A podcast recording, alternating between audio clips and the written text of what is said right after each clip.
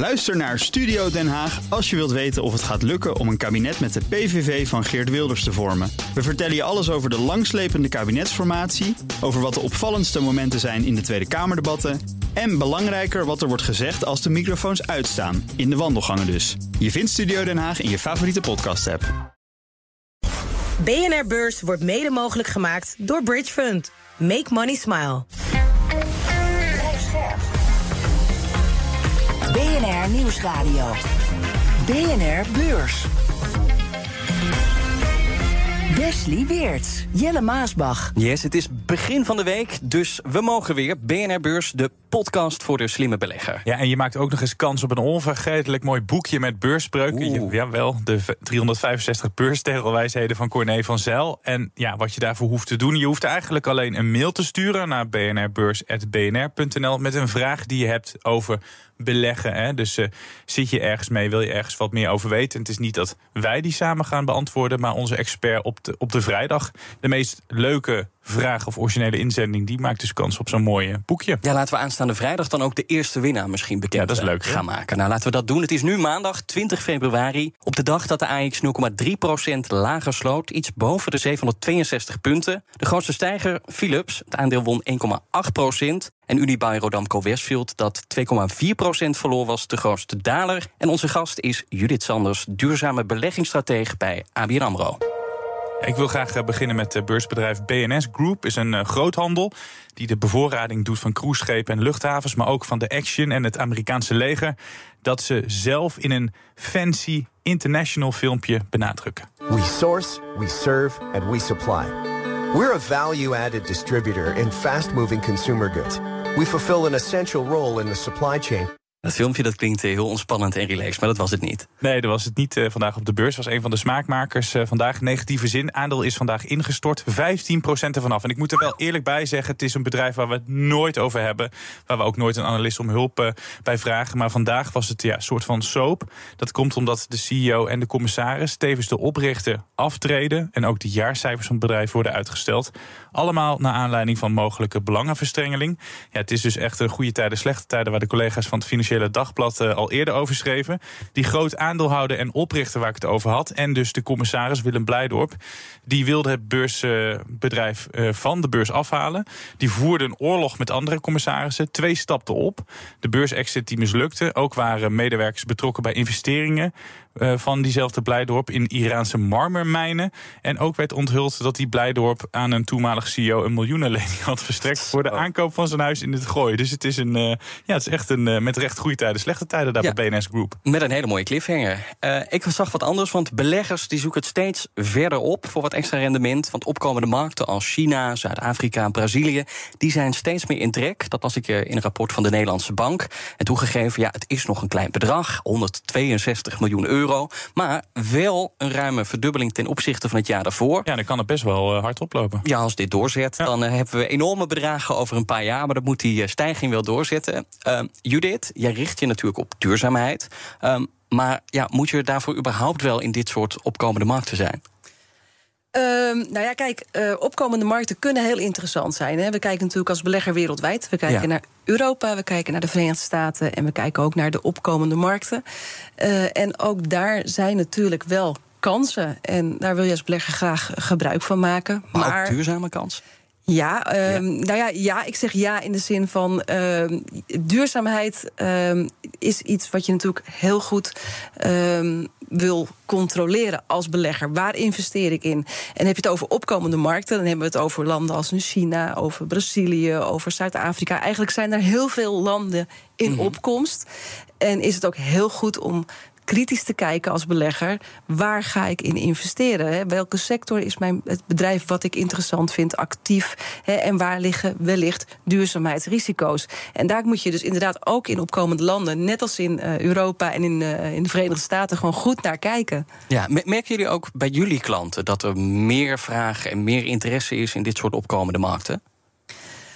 Uh, niet per se in opkomende markten, wel meer in uh, duurzaamheid en duurzaam beleggen. En dat heet ESG-beleggen ja. uh, dan.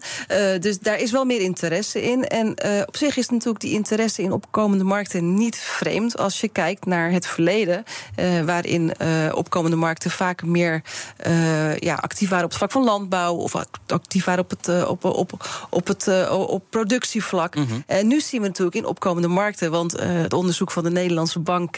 Ik heb hem ook gelezen. Ja, ja, uh, daar kwam uit naar boven dat uh, met name bijvoorbeeld uh, ja, media, natuurlijk technologie, innovatieve bedrijven.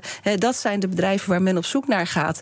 die, als, ja, in, in die je nu, ook nu kunt terugvinden in bijvoorbeeld Zuid-Afrika, China of Brazilië. Ja, we gaan het zo meteen uitgebreid over die opkomende markt hebben. Een beetje slecht bruggetje, Judith, maar hoe duurzaam is botox?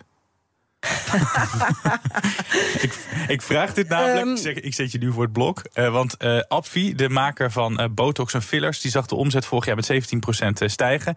En hoewel er een recessie lijkt te komen, is dit aandeel, schrijft MarketWatch.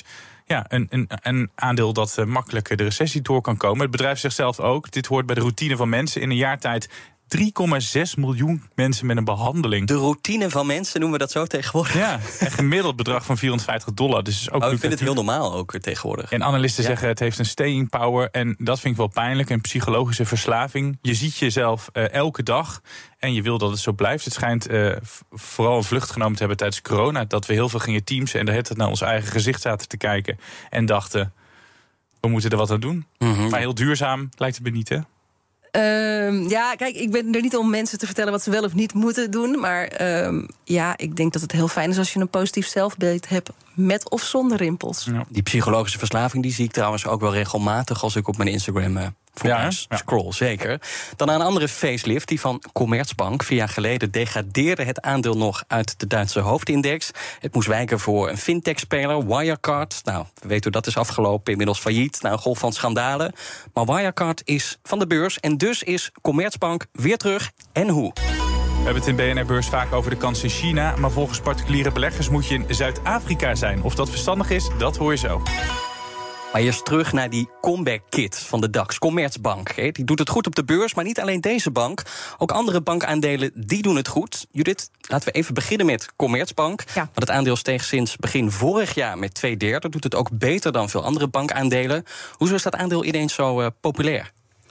Uh, nou ja, ik denk in zijn algemeenheid, als we kijken naar de bankensector, dan zien we dat de bankensector enorm profiteert van uh, ja, de overgang van negatieve rente naar een positieve rente. Ja. Uh, dat betekent eigenlijk simpelweg dat er, er weer verdiend wordt op geld wat gestald wordt bij de centrale banken. Dat uh, de rentepercentages op leningen weer wat uh, omhoog gaan. Mm -hmm. Dus ja, uiteindelijk betekent dat onder de streep dat er wat meer verdiend wordt. En dat zie je terug in, uh, in de beurskoersen.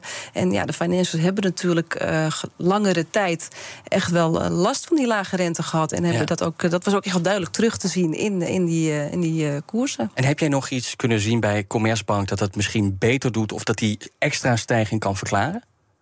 Nou, kijk, dat ligt wellicht in een stukje historie. Hè. Je gaf het al aan, in 2018 uh, zijn ze uit de DAX gegaan. En dat was wel naar een, naar een periode waarin het natuurlijk echt slecht ging ja, met ja. Commerzbank. Uh, in dat jaar ging het aandeel uh, met ruim 35 procent eh, onderuit. Mm -hmm. uh, het was niet meer het, het, het, bedrijf wat het in het verleden is geweest toen het uh, in 2000, nee, 1998 volgens mij ergens ja. naar de beurs kwam. Het heeft 20 jaar op de beurs gestaan. Ja. Ja. dus daar was, ja, het was een heel ander bedrijf. En dan, is, en dan ga je weer terug naar de hoofdindex. Dat wordt hier ook wel altijd gezegd. Als je van de midcap terug gaat naar de, de hoofdindex, naar de AX-index.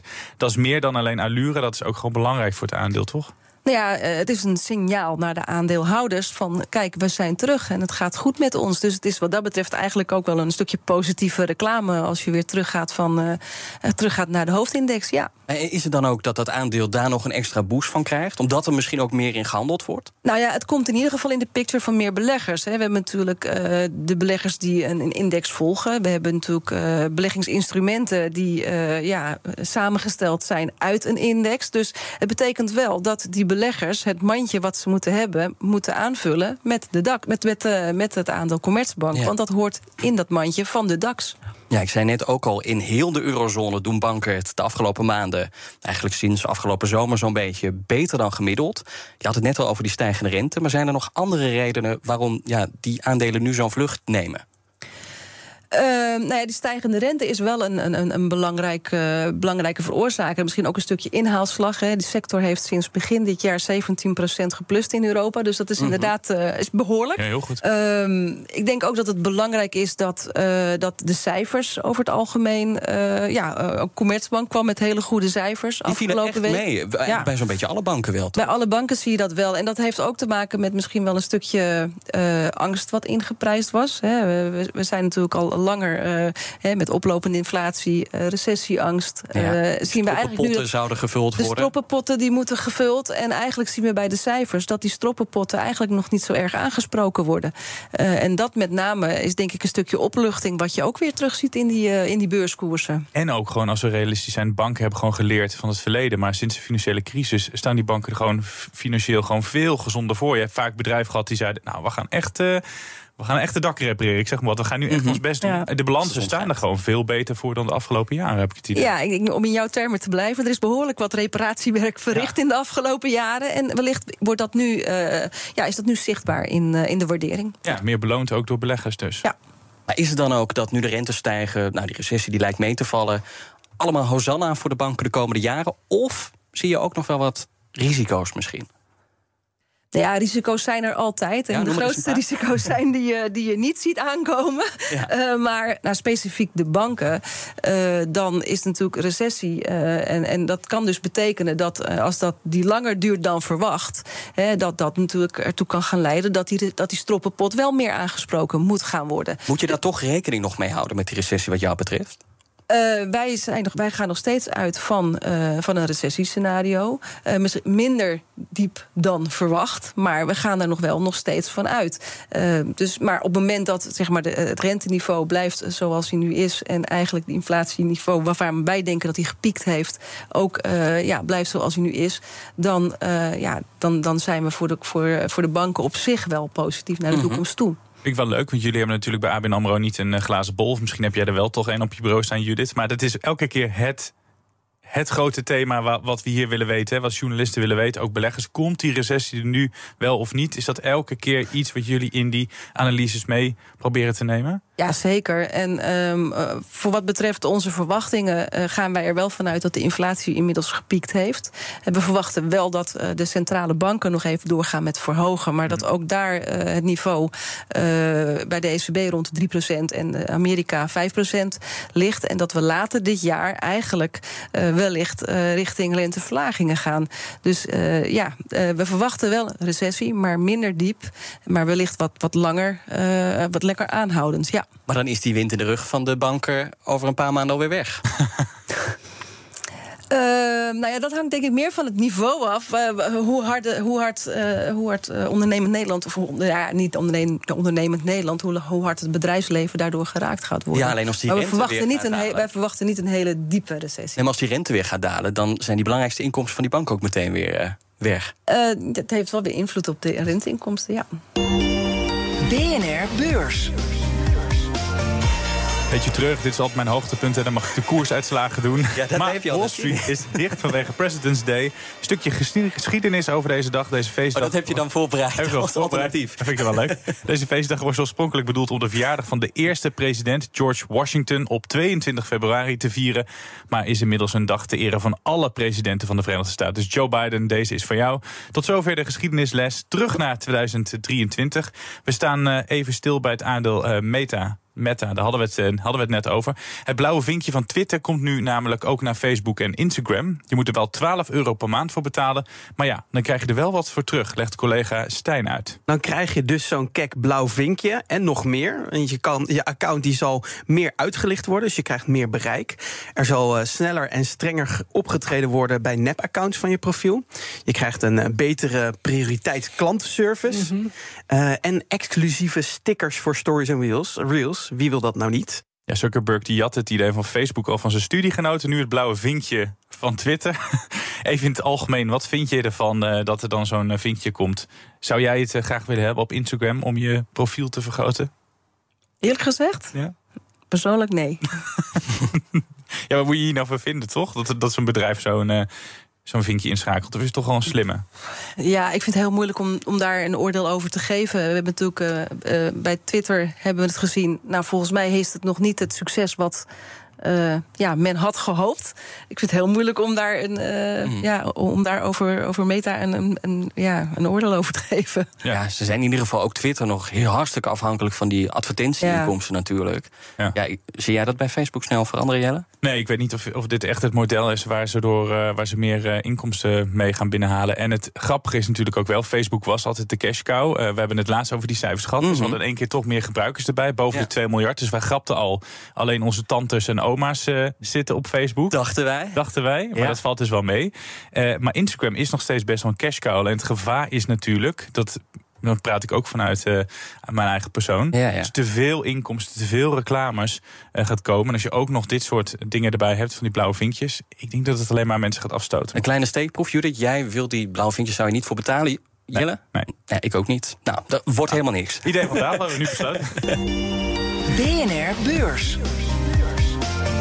Oké, Judith, we gaan even terug naar uh, interessantere dingen. Terug naar de exotische beleggingen. Beleggers die ervoor kiezen om wat verder te beleggen dan de Amerikaanse beurs. En kiezen voor landen als Zuid-Afrika of Brazilië. Nou, Wesley zei het al, vorig jaar een verdubbeling van het ingelegde bedrag.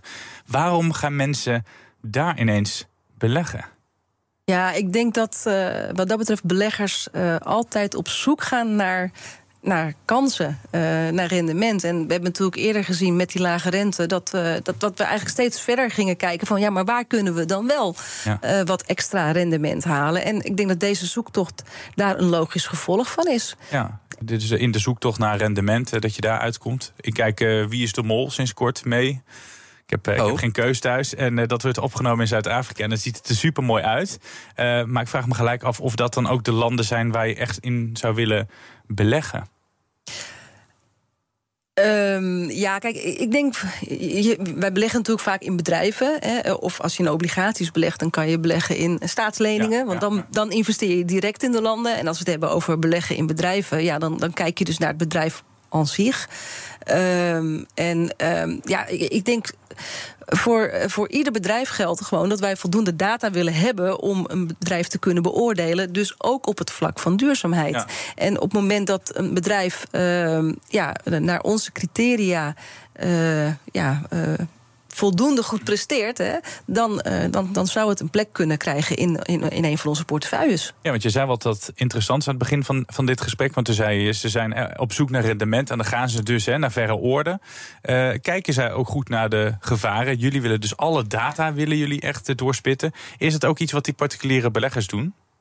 Ja, ik durf niet voor alle particuliere beleggers te spreken. Maar het is best een, een, een uitzoekerij. En wij ja. betrekken natuurlijk data van onderzoeksbureaus. Jullie hebben en een mooie grote afdeling erachter zitten. We hebben een mooie grote afdeling erachter zitten. En onze cliënten hebben ook wel toegang tot, uh, tot die data. Uh, dus dat is voor hen een heel belangrijk. Want dan kunnen ze ook zelf keuzes maken als je zelf beleggende cliënt bent. Uh, maar ja, ik, ik, denk als je duurzaamheid belangrijk vindt, hè, dan is het wel zaak dat je je verdiept in een onderneming. En dan gaat het natuurlijk niet alleen over klimaat, wat heel belangrijk is. Hè, de grootste uitdaging van deze eeuw is global warming. Maar ook sociale, uh, sociaal-maatschappelijk. Eh, want als we het hebben over uh, beleggen bijvoorbeeld in Zuid-Afrika... maar ook in Brazilië, eh, wat ook een land is... wat uit het rapport van de Nederlandse Bank naar voren kwam... dan heb je het vaak ook bijvoorbeeld over mijnbouwbedrijven. Nou ja, dan wil je ook wel graag weten hoe, ja, hoe delven die mijnen. Ja. Hun grondstoffen, onder welke omstandigheden. En uh, ja, uh, dat zijn wel zaken waar je dus beleggen rekening mee wil houden. Kan je dat in het jaarverslag vinden? Of heb je dan ook nog eens een rapport van DNB nodig? Want voor mijn gevoel moet je dan heel veel rapporten door. Ja, het is wel heel veel, uh, veel huiswerk. huiswerk. maken. Ja, en, ja. Maar zijn dit dan die beleggers die ook echt op zoek zijn naar die duurzame belegging? Of zijn zij veel meer gewoon op zoek naar rendement? En is dat hele duurzame verhaal misschien gewoon een stukje minder belangrijk? Nou, ook Vraag die... ik aan jou. als duurzaamheidsstratege. Uh, als duurzaamheidsstratege zeg ik: beleggen, duurzaamheid is uh, net zo belangrijk als financiële criteria. Ja. Uh, dus, maar ik, ik, ik kan niet voor beleggers die zelf actief zijn ja, beoordelen op basis van wat zij de keuzes maken. Maar even, ik denk dat het wel belangrijk is om ook duurzaam, duurzame criteria mee te nemen. Want het is niet alleen dat je uh, een bijdrage levert aan, aan de samenleving als je daar rekening mee houdt. Maar als een bedrijf niet duurzaam is betekent het ook vaak dat er bepaalde risico's genomen worden die je als belegger je ook heel erg bewust moet zijn. Uh, dus het, zit hem aan de, uh, aan de kansenkant, maar het zit hem ook aan de, risicokant. Dus om een goede afweging te maken, is het denk ik heel belangrijk dat je je ook in duurzaamheid uh, of in ESG-criteria verdiept. Jij hebt je huiswerk gedaan. Ik was altijd heel blij met dat ze mensen in de klas waar ik dan kon afkijken. Voor de luisteraar die dat nog niet heeft gedaan, wat zijn de landen, wat zijn de bedrijven die het goed doen op het gebied van duurzaamheid? Je zo even uit je hoge hoed kan toven? Uh, nou ja, kijk, wij, kijken, wij kijken natuurlijk naar alle sectoren. Uh, en uh, ik kan niet zeggen dat er één land is wat het, dat het heel goed doet. Hè. Eh, maar het, leuk, leuk weet je misschien, hè, Uruguay. een land wat voor veel mensen heel ver weg is, ja. doet het heel goed op, op, op, op duurzaamheid en op energie. Dus ja, dat, dat, is heel interessant om te weten, misschien. Want die hebben dus heel erg geïnvesteerd in, in bepaalde sectoren. Ja, maar China staat hier dan weer hoog in het lijstje. Dat is nou niet per, per se een land dat uitblinkt in uh, duurzaamheid, groene energie. Dat soort zaken. Nou ja, kijk, China, het land wat natuurlijk uh, ja, enorm vervuilend is... vanwege natuurlijk uh, de industrie en het gebruik van kolen... is aan de andere kant ook het land wat volgens mij wereldwijd... de meeste zonne-energie opwekt. dus per saldo zijn zij wel heel hard bezig om ja, die, die te verduurzamen. en zijn er ook natuurlijk in China bedrijven actief...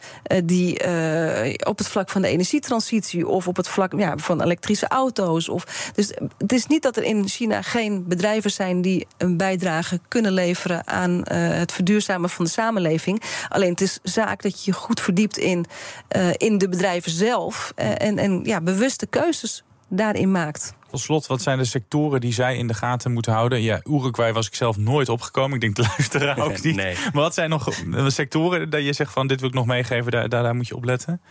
Nou ja, als je wil bijdragen aan het verduurzamen van de samenleving, dan zijn natuurlijk eh, sectoren gelinkt aan de energietransitie. En of je dan hebt over hernieuwbare energieoplossingen of toeleveranciers of ja, producenten. Uh, ja, bedrijven die daaraan gelinkt zijn, zijn altijd uh, zijn, zijn, zijn in ieder geval interessante sectoren om eens naar te kijken. Maar daar moest je niet zijn voor het rendement het afgelopen jaar. Uh, dat verschilt enorm. Want, Toch. Uh, maar gemiddeld, we, hebben, we hadden hier... Even, ja, maar je gaat het niet winnen, want zij heeft huis ook wel ja, goed nee, gedaan. Nee, het ging over fossiele energie, dat ja. was de winnaar. Oh, ja. En dit soort ja. duurzame alternatieven, ja, veel minder rendement. Kijk een jaartje daarvoor en een jaartje daarvoor... Okay, en dan praten we verder. Ga ik doen. Nou, de helft van Nederland die heeft uh, vakantie. De Amerikaanse beurs die is dicht. Tijd om even adem te halen, even tot rust te komen... na al dat cijfergeweld ook. Laten we kijken wat er uh, morgen op de agenda staat.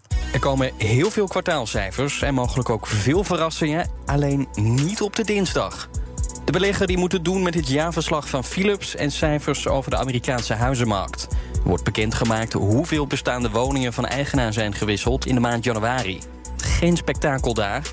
Het is toch echt wachten op de woensdag. Dan jaarcijfers van ASR, Wolters Kluwer, AMG en BC. En voor koffieliefhebbers zijn er de jaarcijfers van JDE Peets... de eigenaar van Douwe Egberts. Judith, eh, we hebben heel overzicht gehad. Waar kijk jij het meest naar uit deze week?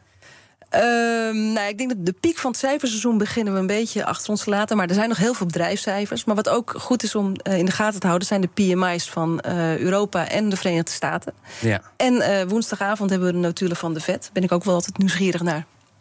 Duidelijk. En die PMI's die gaan bijvoorbeeld over het herstel in Europa. Of dat doorzet of niet? Uh, ja, over de consumenten, sorry, over de dienstensector en de, mm. de, de, de, verwerkende industrie. Dankjewel. Daarmee zijn we aan het einde gekomen van deze aflevering. Judith Sanders, duurzame beleggingsstratege bij ABN AMRO. Goed dat je er was. En blij dat jij het huiswerk voor ons hebt gedaan. Hoeven wij al die stoffige rapporten niet meer door. Hoe mooi is dat? Uh, elke aflevering sluiten we ook af met een tip, Wes. Uh, we hadden het in het begin van de aflevering al over. Hè. Die komt elke dag uit dat boekje van Corné van Zijl. Die uh, 365 mm -hmm. tegeltjeswijsheden. Dit keer een Engelstalige tip. Never catch a falling knife. En zeggen wij tot morgen. Tot morgen. BNR Beurs wordt mede mogelijk gemaakt door Bridge Fund. Make money smile. Ook Harm Edens vind je in de BNR-app. Je kunt BNR Duurzaam niet alleen live luisteren in de app, maar ook terugluisteren als podcast, zoals al onze podcasts. En naast dat de BNR-app Breaking News meldt, houden we je ook op de hoogte van het laatste zakelijke nieuws. Download nu de gratis BNR-app en blijf scherp.